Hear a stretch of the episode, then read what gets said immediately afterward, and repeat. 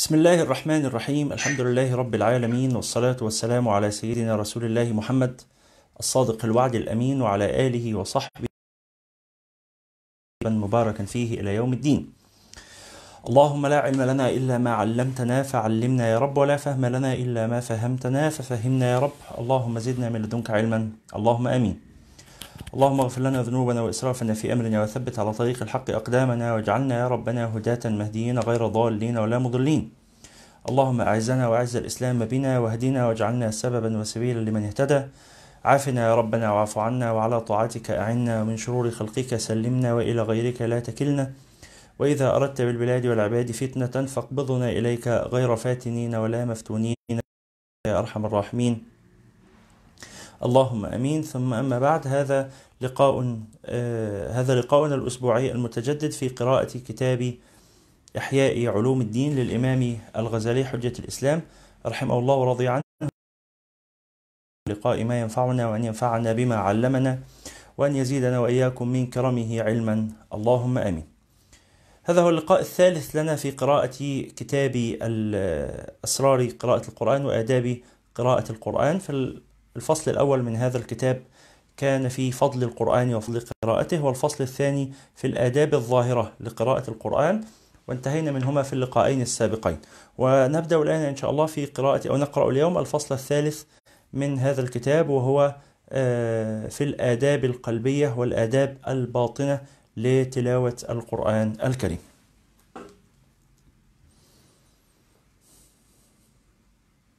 نستأذن بس حد من الزملاء في في زوم يشير الكتاب. مش عارف آية موجودة النهاردة. أريج يعني أي حد. أحمد.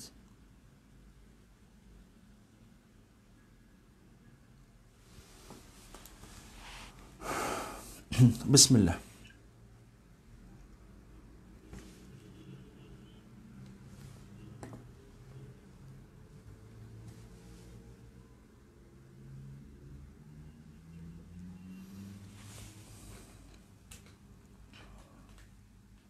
صلوا على النبي صلى الله عليه وعلى آله وصحبه وسلم.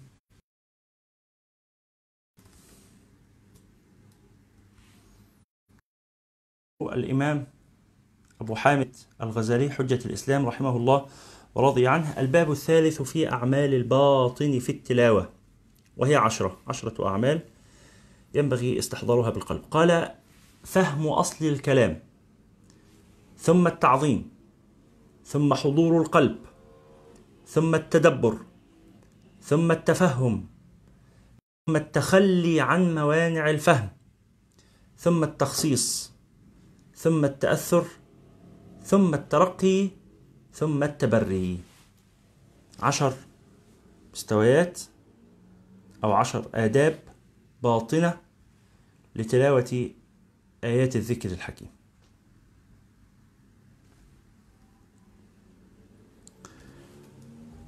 قال الأول فهم عظمة علوه وفضل الله سبحانه ولطفه بخلقه في نزوله عن جلاله إلى درجة أفهام خلقه.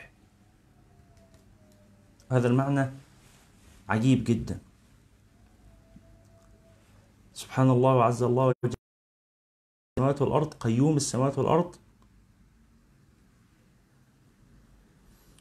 يتنزل من عرش جلاله ومن عرش عظمته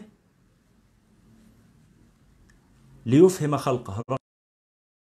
شأن الخلق على الله تعالى هين.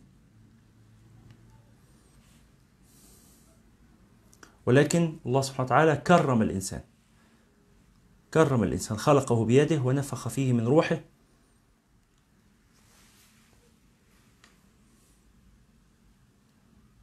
أعظم كرامة للإنسان كرامة الفهم عن الله سبحانه وتعالى كرامة التكليف المخاطبة. ومما زادني شرفا وتيها وكدت بإخماصي أطأ الثريا. دخول عبادي وأن أرسلت أحمد لي نبيا. الله عز وجل يخاطب الناس. جل جلال الله عز ولله المثل الأعلى. تخيل كده لو إيه جاله اتصال من شخص مهم. ف فاول حاجة تخطر بقى إيه؟ هو عارفني. هو بيكلمني أنا شخصيا باسمي مباشرة كده. بيتصل بيا. يقول لي إزيك يا فلان وبتعمل إيه وعملت إيه؟ فهذا شيء عظيم جدا جدا. إن هذا الشخص المهم يتواضع ويتنازل ويتعطف بمكالمة شخص من عامة الناس من أمثاله وصاحب عظيم صاحب ثراء واسع. وأنا يعني صغار صغار الموظفين عنده في الشركة بيني مثلا وبينه في الهيكل الإداري 15 طبقة مثلا يعني. هو يتجاوز كل هؤلاء المدراء المباشرين لي. ويكلمني مباشرة ده حاجة ده أنا يعني أفضل طول عمري أحكي وأضحك عليها.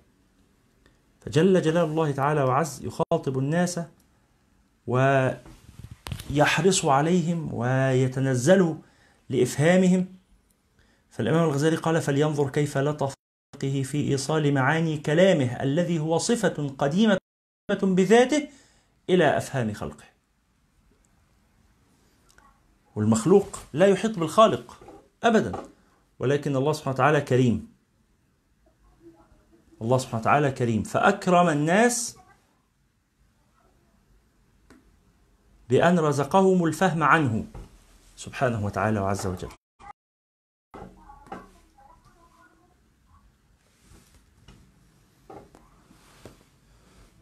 قال وكيف تجلت لهم تلك الصفة في طيف وأصوات هي صفات البشر؟ كلام الله عز وجل منزه عن مسألة الحرف والصوت دي عن عن مشابهة المخلوقات. ولكن كلام الله سبحانه وتعالى ليس كذلك إنما هو صفته كلام الله صفة من صفات الله عز وجل وهو قديم قدم الله كلام عظيم.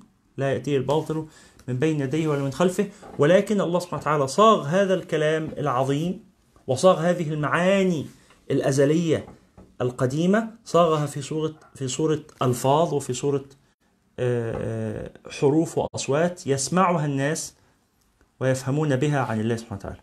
قال إذ يعجز البشر عن الوصول إلى فهم صفات الله تعالى إلا بوسيلة صفات نفسه. ولولا استتار كنه جلال جلالة كلامه بكسوة الحروف لما ثبت لسماع الكلام عرش ولا ثرى. ولتلاشى ما بينهما من عظمة سلطانه وسبحات نوره. ولولا تثبيت الله عز وجل لموسى عليه السلام لما أطاق سماع كلامه. كما يطق الجبل مبادي تجليته أو مبادئ تجليه حيث صار دكة فلما تجلى ربه للجبل جعله دكة الله عز وجل قال عن القرآن لو أنزلنا هذا القرآن على جبل لرأيته خاشعا متصدعا من خشية الله. طيب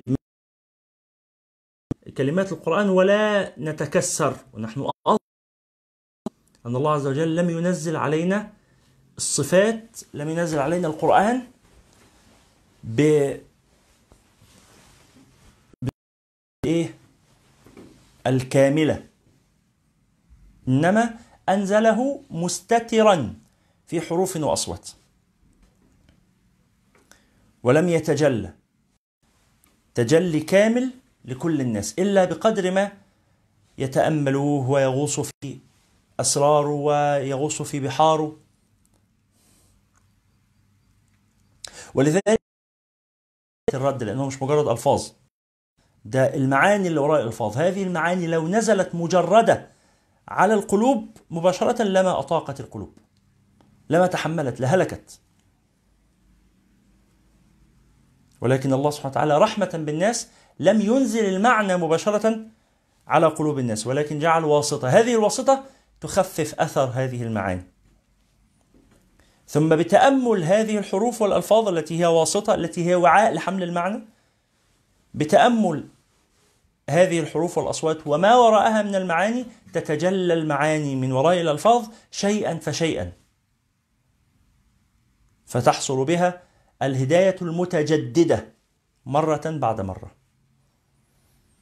ولذلك قالوا ولا يمكن تفهيم عظمة الكلام إلا بأمثلة على حد. هذا عبر بعض إن كل حرف من كلام الله عز وجل في اللوح العظيم من جبل قاف.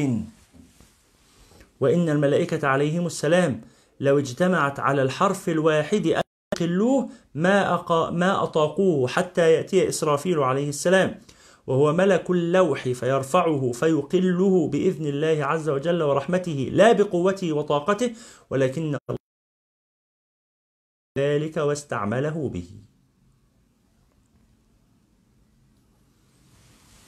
يعني يقول حرف من القرآن عاني الشيء الهائل. لماذا؟ وهذا من صفات الله عز وجل. المخلوق لا فلا يحيط البشر بصفة الكلام من الله سبحانه وتعالى. لا يحيط البشر بحقيقة أسرار القرآن كلها. لا يستطيعون. ولا بحرف واحد منه قدر ما يسمح الله سبحانه وتعالى لطاقة المعاني في هذه الحروف أن تتفجر في قلوب عباده. قال ولقد تأنق بعض الحكماء في التعبير عن وجه اللطف في إيصال معنى الكلام معاني الكلام مع علو درجته. الإنسان مع قصور رتبته. وضرب له مثلا لم يقصر فيه. وذلك أنه دعا بعض الملوك إلى شريعة الأنبياء عليهم السلام. فسأله الملك عن أمور. فأجاب بما يحتمله فهمه. فقال الملك أرأيت ما يأتي به الأنبياء؟ إذا ادعيت أنه ليس بكلام الناس وأنه كلام الله عز وجل فكيف يطيق الناس حمله؟ لو ده كلام ربنا يعني يبقى أكبر بكتير من مستوى البشر. فإزاي البشر بيقدروا عادي كده يفهموه يسمعوه يتحملوه؟ فقال الرجل الحكيم إنا رأينا الناس لما أرادوا أن الداب والطير ما يريدون من تقديمها وتأخيرها وإقبالها وإدبارها. ورأوا الدواب يقصر تمييزها صادر عن أنوار عقولهم مع حسنه وترتيبه وبديع نظمه فنزلوا إلى درجة تمييز البهائم وأوصلوا مقاصدهم إلى بواطن البهائم بأصواتها من النقر والصفير والأصوات القريبة من أصواتها التي تطيق حملها. يعني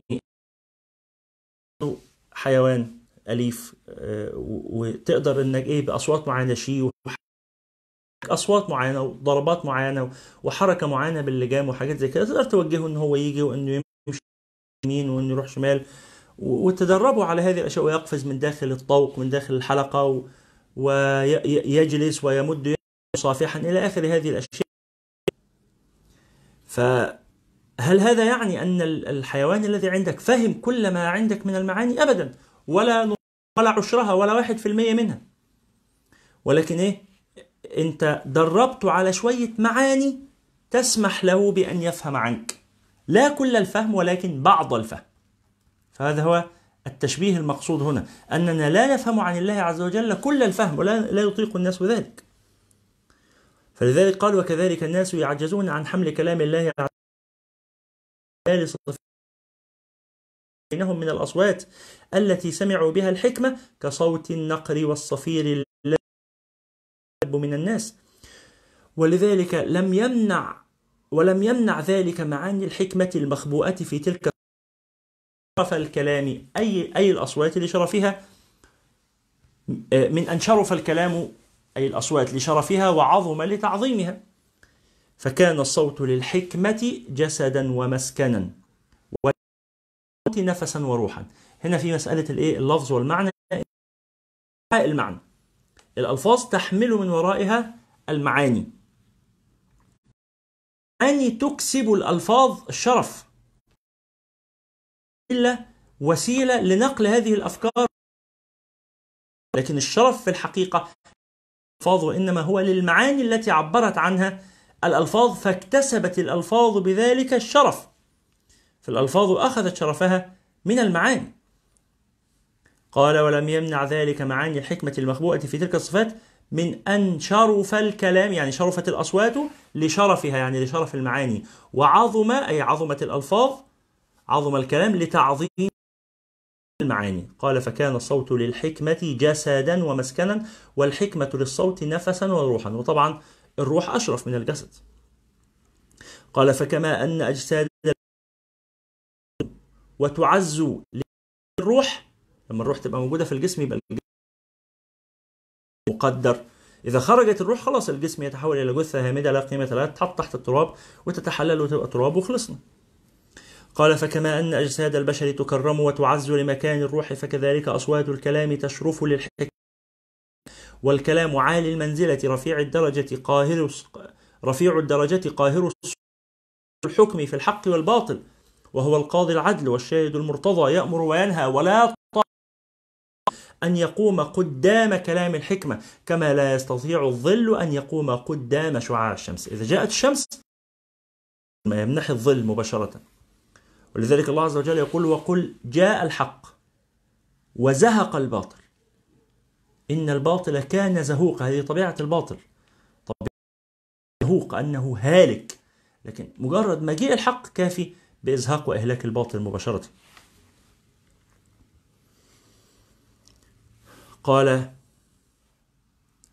ولا طاقة للباطل أن يقوم قدام كلام الحكمة كما لا يستطيع الظل أن يقوم قدام الشمس. ولا طاقة للبشر أن ينفذوا غور الحكمة كما لا طاقة لهم أن ينفذوا بأبصارهم ضوء الشمس. ولكن من ضوء عين الشمس ما تحيا به أبصارهم. ويستدلون به على حوادث. يقدر حد إن هو ينظر إلى الشمس مباشرة؟ ما حدش يقدر. ما حدش يقدر. إحنا بنشوف بش الحاجات اللي حوالينا. ننظر إلى الأشياء. بنور الشمس. نستعين بنور الشمس في رؤية هذه الأشياء. لكن اللي يثبت عينه في قرص الشمس تنعمي عينه.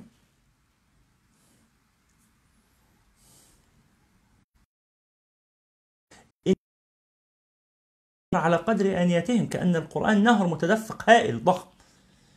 اللي رايح بكوباية يملاها واللي رايح بجردل يملاه واللي رايح ببرميل يملاه واللي رايح بعربية لنقل المياه هيملاها واللي عايز يملى منه ترعه واللي عايز يملى منه بحيرة.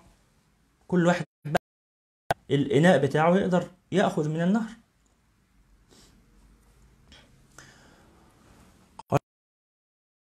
عين الشمس ما تحيا به أبصارهم ويستدلون به على فقط. فالكلام كالملك المحجوب الغائب وجهه الشاهد أمره.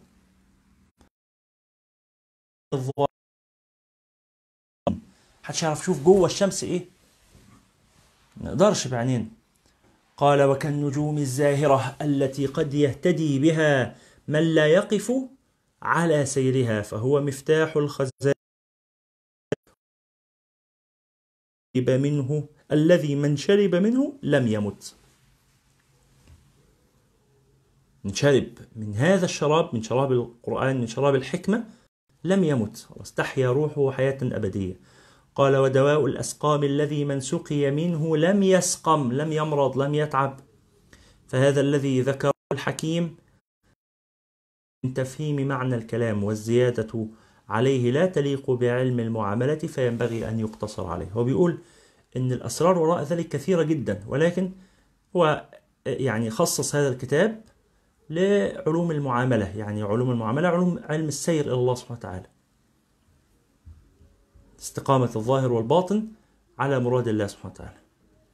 ويعني العلوم المأخوذة عن الله والموصلة إلى الله عز وجل علوم أخرى. كعلم وغيره فهو قال هذا الكتاب في علم المعاملة وليس في المكاشفة فيقتصر ويكتفى بهذا القدر. يبقى الأول وأنت تقرأ القرآن أن تدرك أن معاني القرآن أجل بكثير من هذا القدر الذي تفهمه وأنك وإن فهمت شيئا فإنه طاقتك الاستيعابية وإنك لو زادت قدراتك هتفهم أكتر وكل ما تزيد قدراتك تفهم أكتر ولا يحيط بكل القرآن أحد فهما وتدبرا وتأملا. ولكن بقدر الطاقة الطاقة البشرية محدودة مهما عظمت تظل طاقة محدودة. الأدب الثاني التعظيم للمتكلم. الكلام الثانية تعظيم المتكلم. القارئ عند البداية بتلاوة القرآن ينبغي أن يحضر في قلبه عظمة ويعلم أن ما يقرأه ليس من كلام البشر وأن في تلاوة كلام الله تعالى خطر. فإنه تعالى قال لا يمسه إلا المطهرون. وكما أن ظاهر جلد المصحف وورقه محروس عن ظاهر بشرة اللامس إذا كان متطهرا. فباطن معناه أيضا بحكم عزه وجلاله محجوب عن باطن القلب إلا إذا كان متطهرا عن كل رجس ومستنيرا بنور التعظيم والتوقير. وكما لا يصلح لمس جلد المصحف كل يد فلا يصلح لتلاوة حروفه كل لسان ولا لنيل معانيه كل قلب. كلمة ابن أبي جهل إذا نشر المصحف غشي عليه ويقول هو كلام ربي هو كلام ربي. انظر هذا المعنى الجليل من توقير القرآن ومن تعظيم شأن القرآن.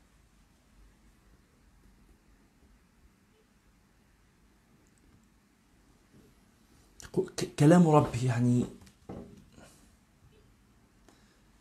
يقول هذا الذي أقرأه شأنه عظيم جدا. إنه لقرآن كريم نزل به الروح الأمين على قلبك لتكون من المرسلين بكتاب من المنذرين بكتاب عربي مبين. قال فتعظيم الكلام عظيم المتكلم ولن تحضره عظمة صفاته وجلاله وأفعاله. فإذا خطر بباله العرش والكرسي والسماوات والأرضون وما بينهما من الدب والأشجار وعلم أن الخالق لجميعها والقادر عليها والرازق لها وقدرته مردودون بين فضله ورحمته وبين نقمته وسطوته. إن أنعم فبفضله وإن عاقب فبعدله. وأنه هو الذي يقول هؤلاء في الجنة ولا أبالي وهؤلاء في النار ولا أبالي. هذا غاية العظمة والتعالي. مثال هذا يحضر تعظيم المتكلم ثم تعظيم الكلام.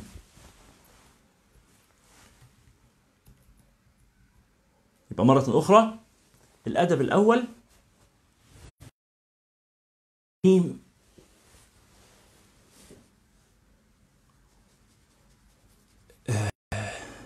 تعظيم القرآن عن أن يحيط بمعانيه أحد. وأنت بتقرأ تعلم أنك لم تحط بمعاني القرآن.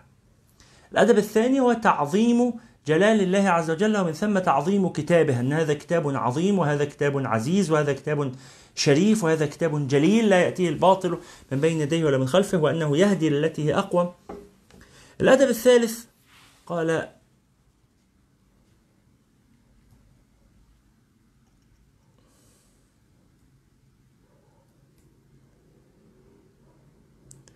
قال الثالث حضور القلب وترك حديث النفس. بقاش قاعد بقى إيه سرحان وعمال تفكر في شؤونك الخارجية ولاهي عن القرآن.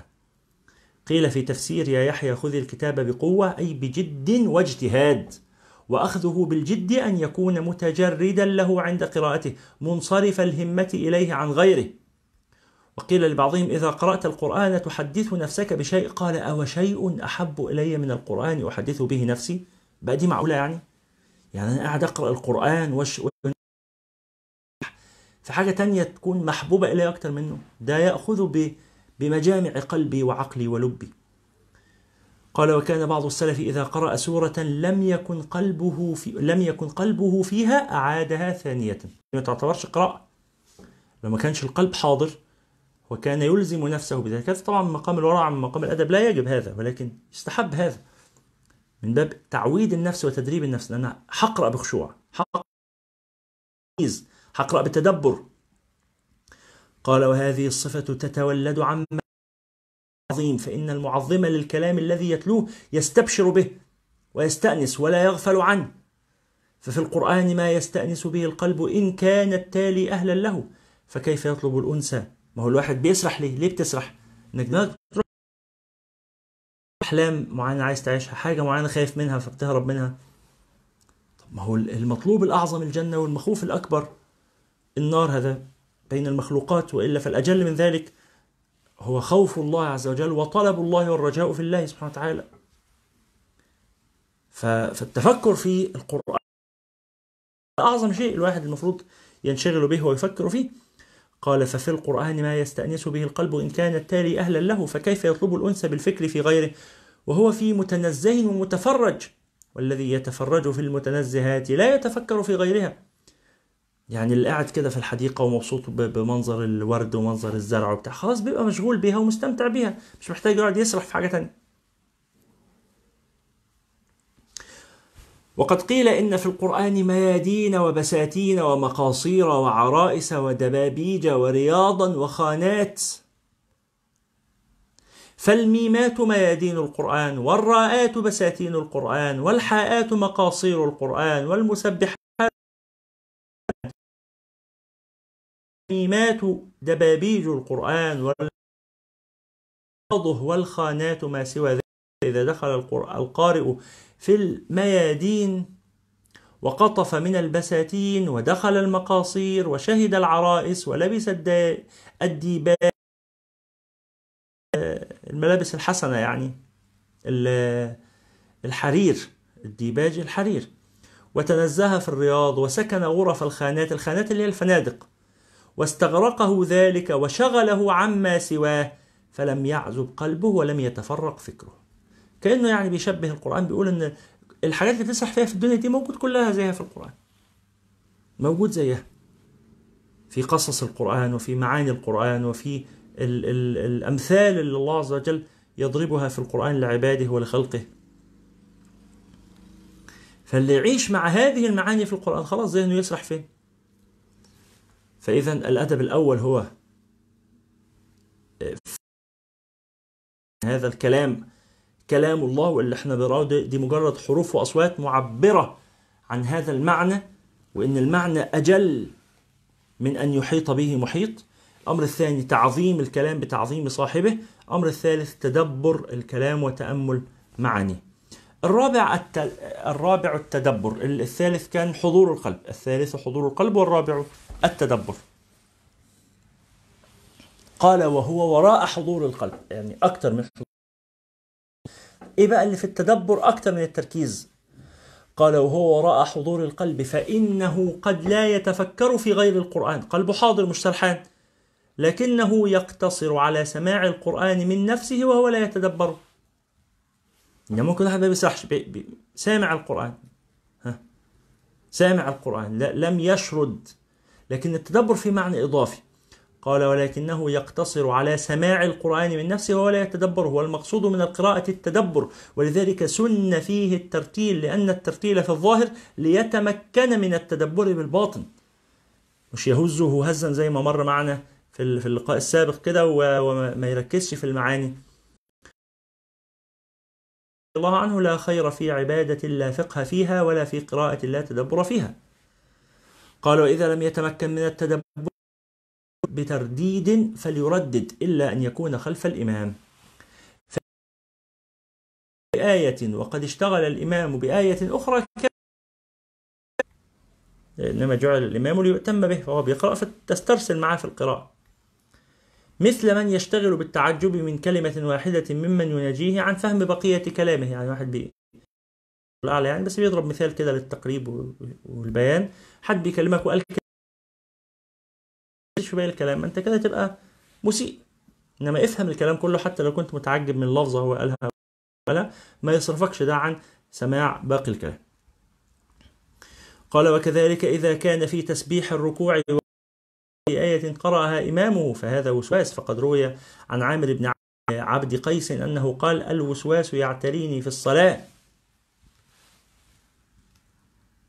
فقيل في أمر بتسرح والدماغ بتسرح بتروح في أفكار الدنيا.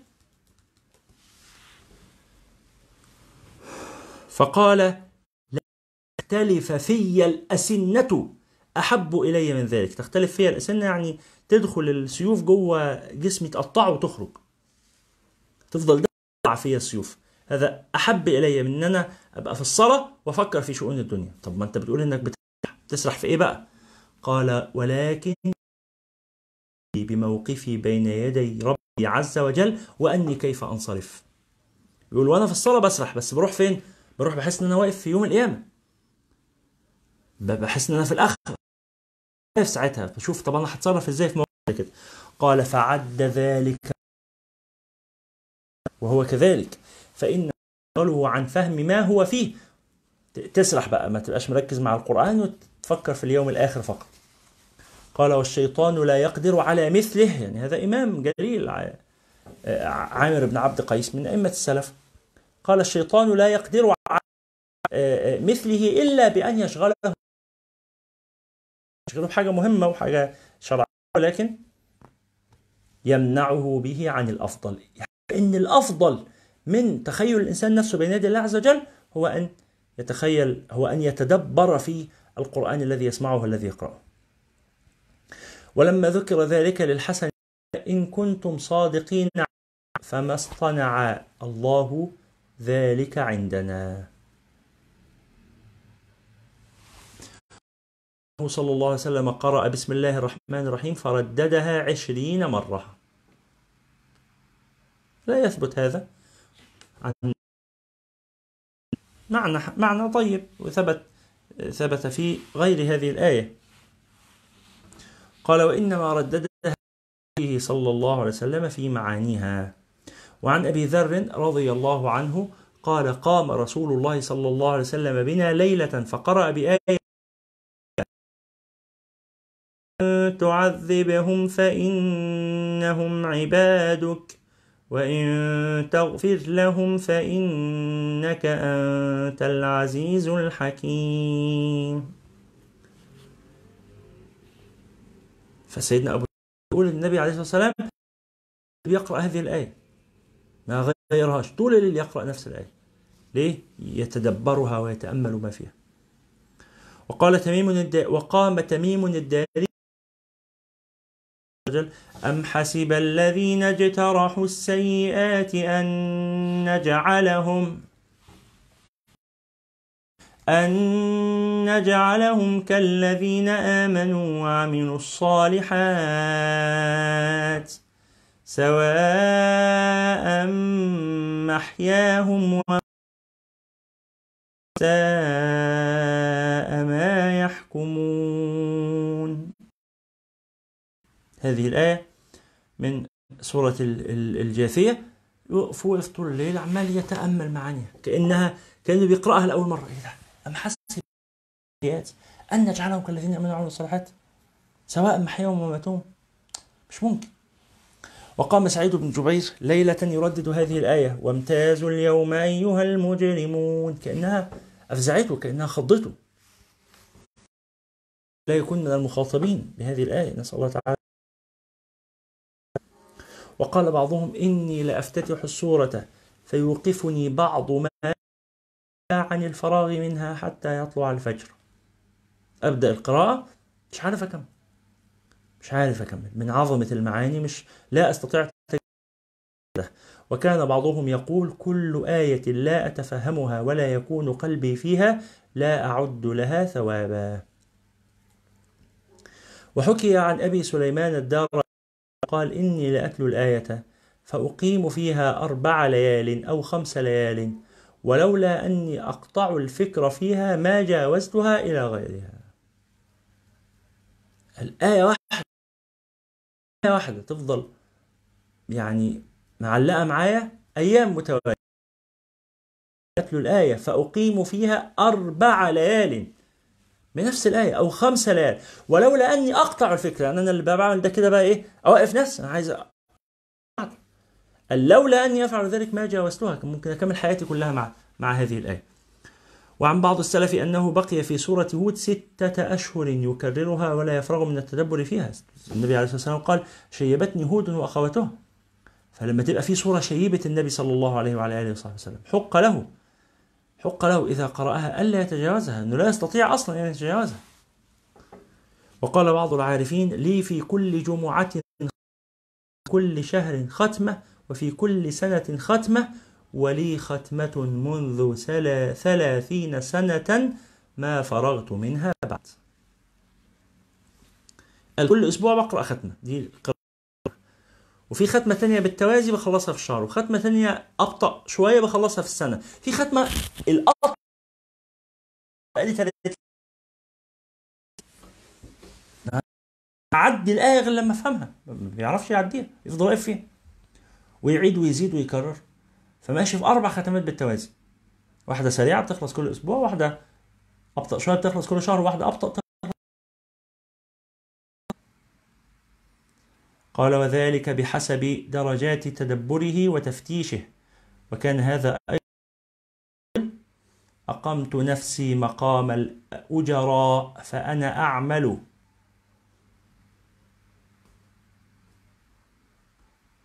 مياومة ومسابعة ومشاهرة ومسانهة. المياومة اللي هي اليومية يعني يوم بيوم. والمسابعة اللي هو بدل ما هي يومية تبقى بالأسبوع. والمشاهرة اللي هي بالشهر. سنة لما تقبض مرتبك يوم بيوم أو تقبض مرتبك كل أسبوع بيعملوا كده بعض ال- ال- الصنايعية مثلا بيقبض كل أسبوع. وفي ناس تانيين الموظفين كتير بيقبضوا كل شهر وفي ناس بتقبض كل سنة. العقد بتاعه عقد سنوي فبيقبض المرتب بتاعه في أول السنة. فقال أنا لقيت اللي بيقبض يوم باليوم ومنهم اللي بيقبض بالسنة. فجعلت قراءتي للقرآن عندي الأربع ختمات دول بال- بالتوازي كده. واحدة بختم كل يوم ختمه وختمه ثانية كل أسبوع وختمة كل شهر وختمة كل سنة. فيبقى اذا الأداب الأربعة اولا فهم أصل الكلام إن الكلام ليس هو الألفاظ. وثانيا التعظيم وثالثا حضور القلب ورابعا التدبر. قال والخامس التفهم وهو أن يستوضح من كل آية ما يليق بها. إذ القرآن يشتمل على ذكر صفات الله عز وجل وذكر أفعاله وذكر أحوال الأنبياء عليهم السلام وذكر أحوال المكذبين لهم وأنهم كيف أهلكوا وذكر أوامره وذكر الجنة والنار.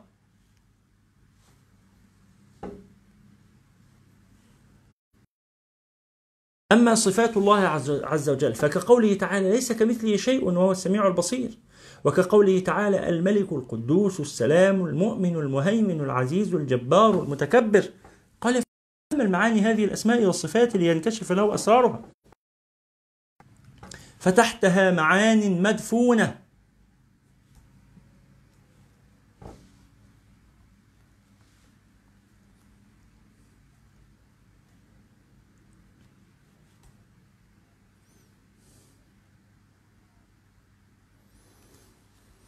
الله قال فتحتها معان مدفونة لا تنكشف إلا للموفقين.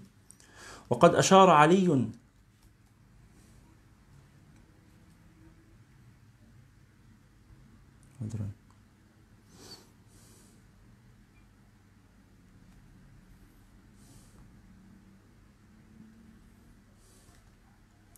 وقد أشار علي رضي الله عنه بقوله ما أسر إلي رسول شيئا كتمه عن الناس إلا أن يؤتي الله عز وجل عبدا فهما في كتابه.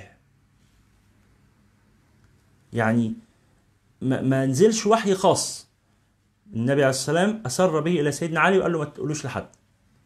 إنما كان يعلم القرآن كافة للناس. كافة لكن في استثناء إيه الاستثناء؟ فهم. أفهمه الله تعالى لعبد من عباده. قال يعني الله عز وجل آتاني فهما. أو أن النبي صلى الله عليه وسلم ربما كان يشرح بعض الآيات فخصني بشرحها. مش خصني ببعض الآيات لا. الآيات للأمة كلها. ولكن خصني بشرح بعض الآيات. قال إلا أن يؤتي الله عز وجل عبدا العبد ده اللي هو أنا أو العبد ده اللي هو النبي صلى الله عليه وسلم؟ إلا أن يؤتي الله عز وجل عبدا فهما في كتابه. قال فليكن حريصا على طلب ذلك الفهم. يعني ربما إنه حتى هذا الفهم الذي كان سيدنا علي يفهمه من الآيات مش خاص بيه برضه.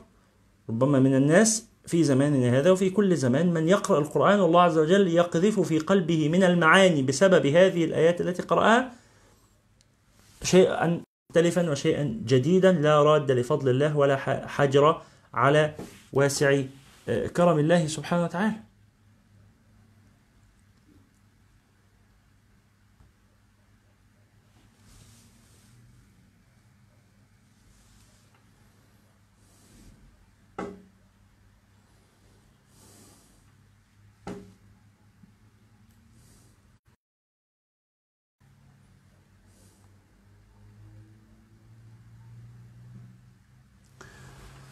اللهم صل على محمد وعلى آله وصحبه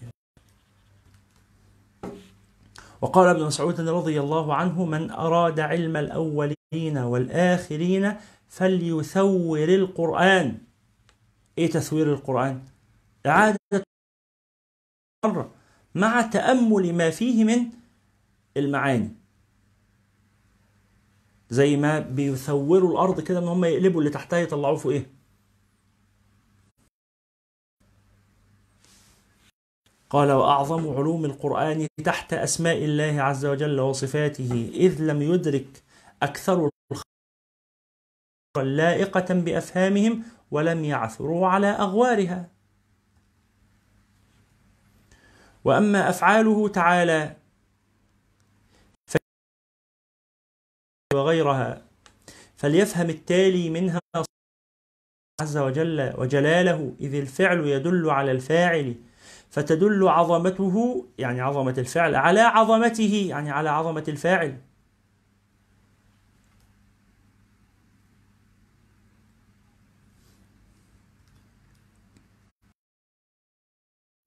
فينبغي أن يشهد في الفعل الفاعل دون الفعل. فمن عرف الحق رآه في كل شيء. يرى الله لا يستطيع أن يرى شيئا مع الله. مثل الأعلى بيبرق عينه اللي فتح عينه في الشمس ما يعرف. الأشياء الأخرى. الذي يرى الله لا يستطيع أن يرى معه شيئا. فإذا كان الذي يرى الشمس لا يرى معه شيئا فكيف بالذي يرى الله؟ فلذلك قال إن أول الواجب في التفهم و البحث عما وراء الألفاظ من المعاني أول شيء في التفهم تفهم صفات الله. ثاني شيء تفهم أفعال الله لأنها دالة على صفات الله سبحانه وتعالى. لذلك من عرف الحق رآه في كل شيء إذ كل شيء فهو منه وإليه. لا إله إلا الله لا حول ولا قوة إلا بالله. قال فإذ كل شيء فهو منه وإليه وبه هو الكل على التحقيق. وهذا المعنى الذي يعبر عنه بعض الصالحين بقولهم وحدة الوجود ووحدة الشهود. تظن أن وحدة الوجود معناها وحدة الموجود وهذا خطأ. يعني يقولون كذب وزورا وبهتانا والعياذ بالله أن الله عز وجل يحل في المخلوقات أو أن المخلوقات تكون هي عين الله عز وجل. أبدا أعوذ بالله. هذا هذا كفر. ولكن يعني على المعنى الصحيح لها أن الموجود الحقيقي هو وجود الله عز وجل وأنه أي وجود آخر هو وجود زائل. ليه وجود؟ سبق بعدم ويلحقه العدم. وهو وجود ضعيف وهو وجود زائل فهو تقريبا لا وجود له. كما قال الله ولم يكن شيء معه ولم يكن شيء فوقه. وهو الآن على ما عليك ما عليك. إحنا موجودين بس ده ده ده وجود ضعيف ده وجود آه زائل ده وجود مؤقت. لكن هو الأول الذي ليس قبله شيء والآخر الذي ليس بعده شيء والظاهر ليس فوقه شيء والباطن الذي لا يغيب عنه شيء. سبحانه وتعالى. قال فمن عرف كل شيء إذ كل شيء فهو منه وإليه وبه وله فهو الكل على التحقيق. سبحانه وتعالى. ومن لا يراه في كل ما يراه فكأنه ما عرفه.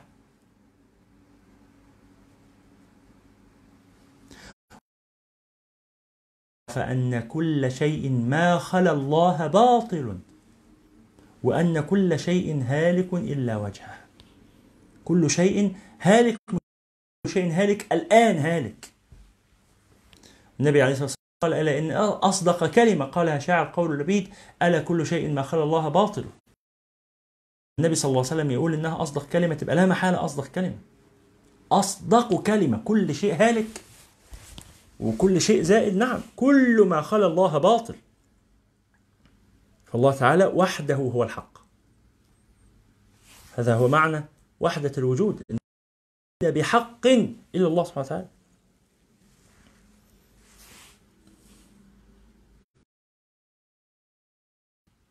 وأن كل شيء هالك.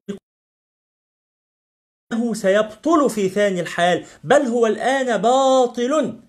إن اعتبر ذاته من حيث هو. هذه الأشياء في الحقيقة الكون في الحقيقة الآن هو باطل. لأنه مفتقر لسبب للوجود. فهو منسوب إلى العدم. أكثر من نسبته للوجود. هو وجوده وجود اعتمادي. كل شيء في الدنيا مفتقر إلى الإيجاد إلى إيجاد الله عز وجل له. والله تعالى غني. يا أيها الناس أنتم الفقراء إلى الله والله يشاء يذهبكم. في لحظة. في لحظة. يتوقع خلق في إعداد وفي إمداد. لما تبقى بتتفرج على الشاشة تتفرج على التلفزيون وبعدين الكهرباء تقطع. لما الكهرباء تقطع هل الصورة اللي على الشاشة بتثبت ولا تختفي؟ يعني مش هقول لك إنها تبقى متجددة مشغل البروجيكتور والصورة بتتعرض على الحيطة. الصورة فيها حاجات بتجري فيها فيها حركة.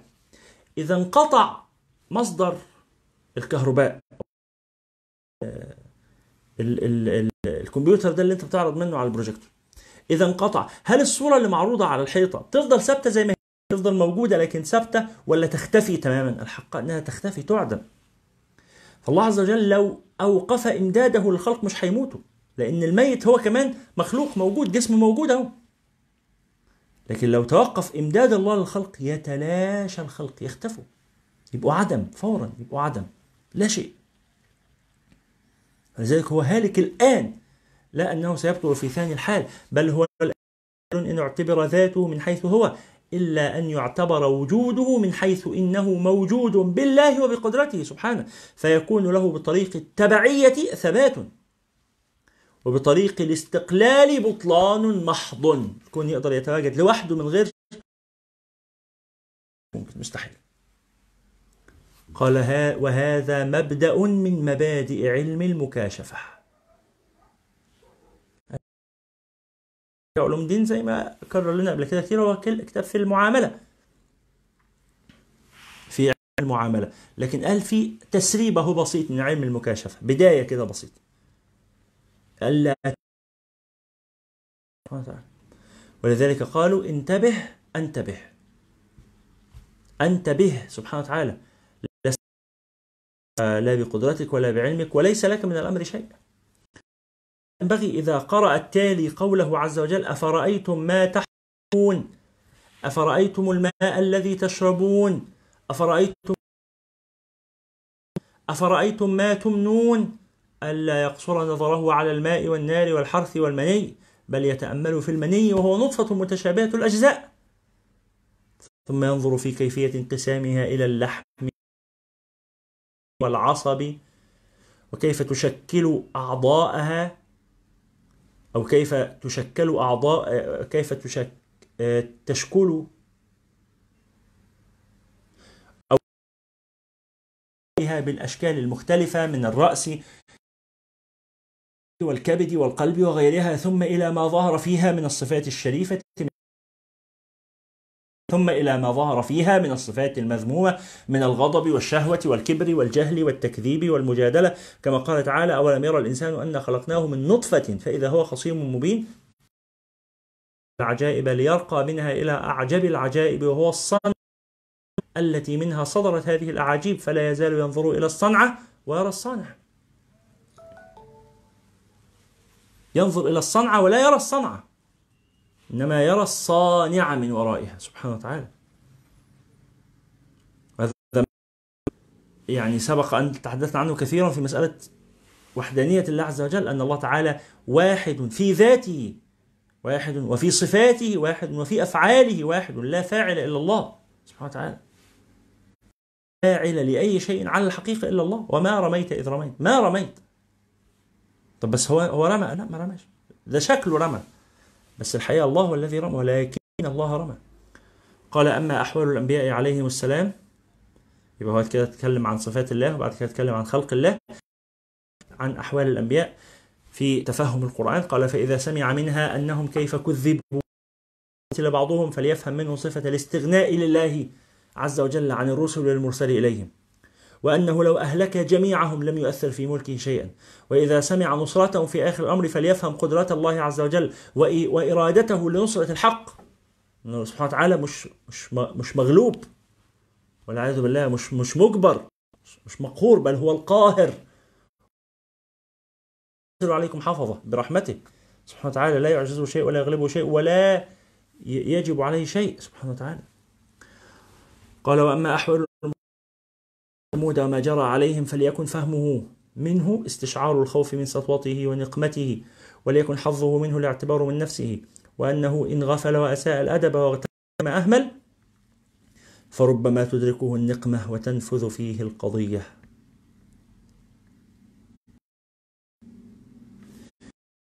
إذا سمع وصف الجنة والنار وسائر ما في فلا يمكن استقصاء ما يفهم فلا يمكن استقصاء ما يفهم. ذلك لا نهاية له وإنما لكل عبد منه بقدر رزقه.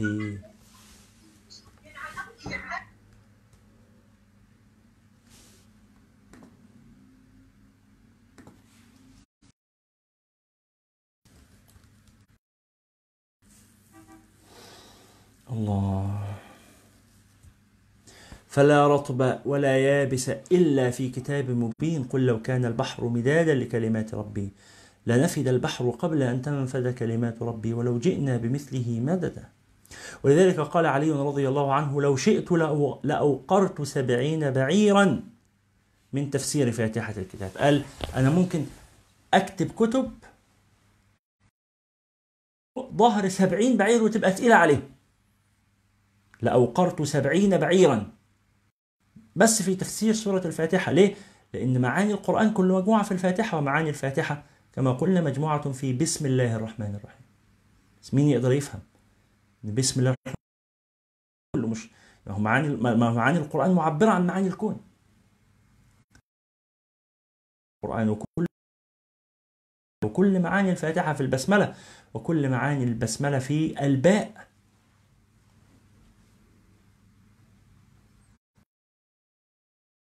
نقطة. يفهم النقطة من يستطيع أن يفهم الباء. قال فالغرض مما ذكرناه التنبيه على طريق التفهم. لينفتح بابه فأما الاستقصاء فلا مطمع فيه. مش ممكن مستحيل. ومن له فهم ما في القرآن ولو في أدنى الدرجات. دخل في قوله تعالى ومنهم من يسأل إليك حتى إذا خرجوا من عندك قالوا للذين قال آل أولئك الذين طبع الله على قلوبهم. نسأل الله السلامة والعافية. قال سنذكرها في موانع الفهم. وقد قيل لا يكون مريدا حتى يجد في القرآن كل ما يريد ويعرف منه النقصان من المزيد ويستمولى مولى عن العبيد. هذه الكلمة النفيسة الجميلة يعني مناسبة لأن نختم بها. قال لا يكون المريد مريدا حتى يجد كل ما يريد. ولذلك الإمام الغزالي في بداية الهداية في في أيها الولد في بداية كتاب الرسالة اللطيفة بتاعت أيها الولد قال أعلم أن منشور النصيحة يكتب من معدن الرسالة. بنقرأ كتب التزكية نقرأ كتب اللي نحاول مواطن الخير ولكن أصل الخير كله في كتاب الله عز وجل. بالقرآن ولم يتعظ بالقرآن فليس ولا ينفعه شيء. ومن من عندي أوتوا العلم. ماذا قال أنفا؟ كان بيقول إيه الرجل ده؟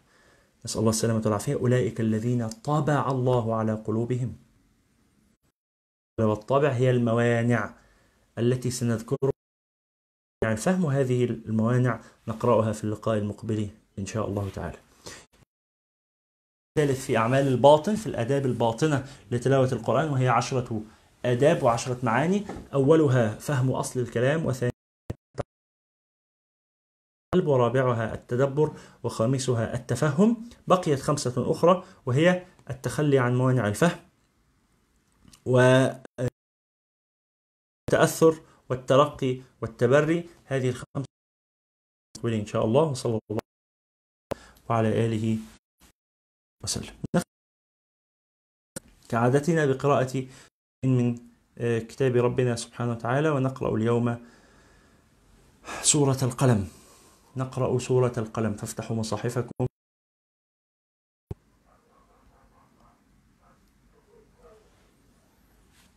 سورة القلم صفحة 564 في طبعة المدينة.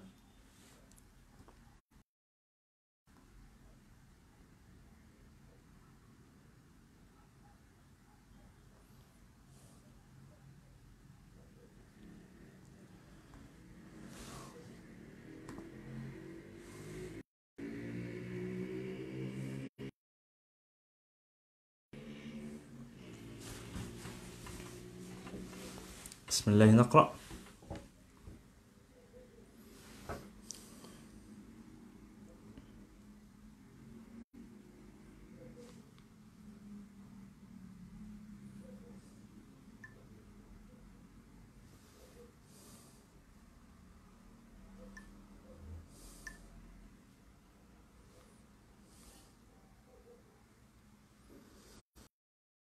أعوذ بالله العليم الشيطان الرجيم. بسم الله الرحمن الرحيم. نون. والقلم وما يسطرون. ما أنت مجنون وإن لك لأجر وإنك لعلى خلق فستبصر ويبصرون. بأيكم المفتون. ربك هو أعلم بمن ضل عن سبيله وهو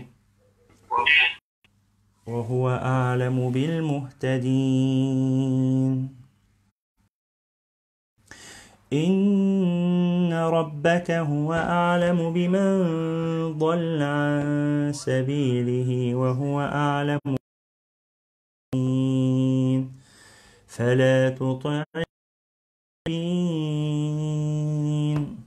ودوا لو تدهن فيدهنون.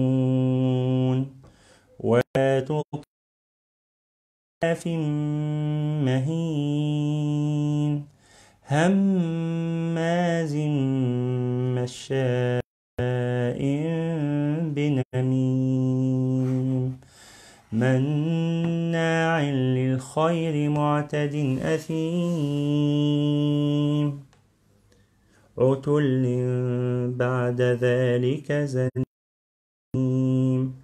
أن كان وبنين. إذا تتلى آياتنا قال أساطير الأولين. سنطوم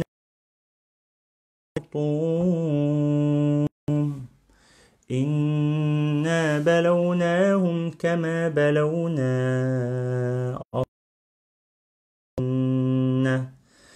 إذ أقسموا ليصرمنها مصبحين ولا يستثنون فطاف عليها طائف من ربك وهم نائمون فأصبحت كالصريم فتنادوا مصبحين. أن اغدوا عليكم إن كنتم صارمين. فانطلقوا وهم يتخافتون. ألا يدخلنها اليوم عليكم مسكين. وغدوا على حرد قادرين. فلما رأى قالوا إنا لضالون.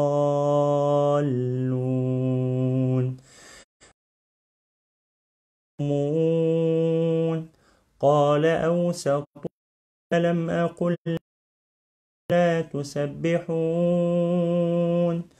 قالوا سبحان ربنا إنا كنا ظالمين. فأقبل بعضهم على بعض يتلاومون.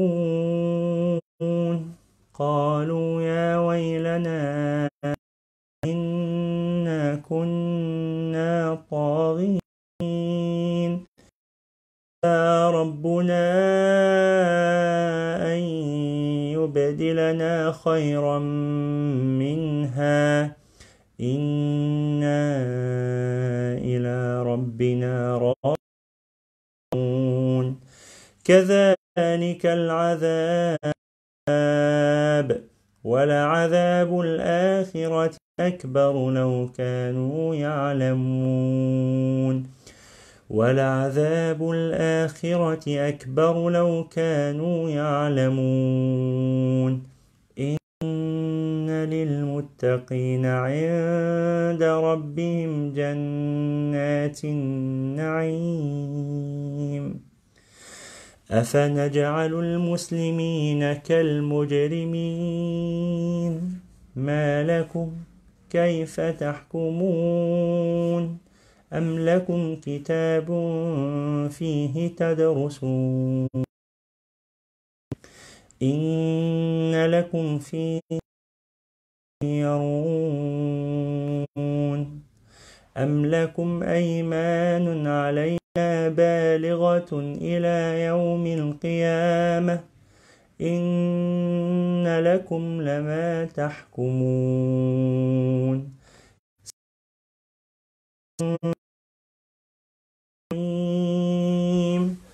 أم لهم شركاء يأتوا بشركائهم فليأتوا بشركائهم إن كانوا صادقين يوم يكشف عن ساق ويدعون إلى السجود يستطيعون خاشعا أبصارهم ترهقهم ذلة وقد كانوا يدعون إلى السجود وهم سالمون. ومن يكذب بهذا الحديث سنستدرجهم من حيث لا يعلمون. وأملي لهم إن متين أم تسألهم أجرا فهم من مغرم مثقلون أم عند الغيب فهم يكتبون فاصبر لحكم ربك ولا تكن كصاحب الحوت إذ وهو مكظوم لو أن تداركه نعمة من ربه لنبذ بالعراء وهو مذموم فاجتباه له من الصالحين. وإن كفروا ليزلقونك بأبصارهم ليزلقونك بأبصارهم لما سمعوا الذكر إنه لمجنون وما هو إلا ذكر العالمين صدق الله العظيم. بلغ رسوله الكريم ونحن على ذلك إن شاء القرآن الذين هم أهلك وخاصتك. اللهم اجعلنا من أهل القرآن الذين هم أهلك وخاصتك. اللهم اجعلنا من أهل القرآن. اللهم علمنا من هذا القرآن ما جهلنا وذكرنا منه ما نسينا. وارزقنا تلاوته آناء الليل وأطراف النهار على الوجه الذي يرضيك. واجعله لنا حجة يا رب العالمين.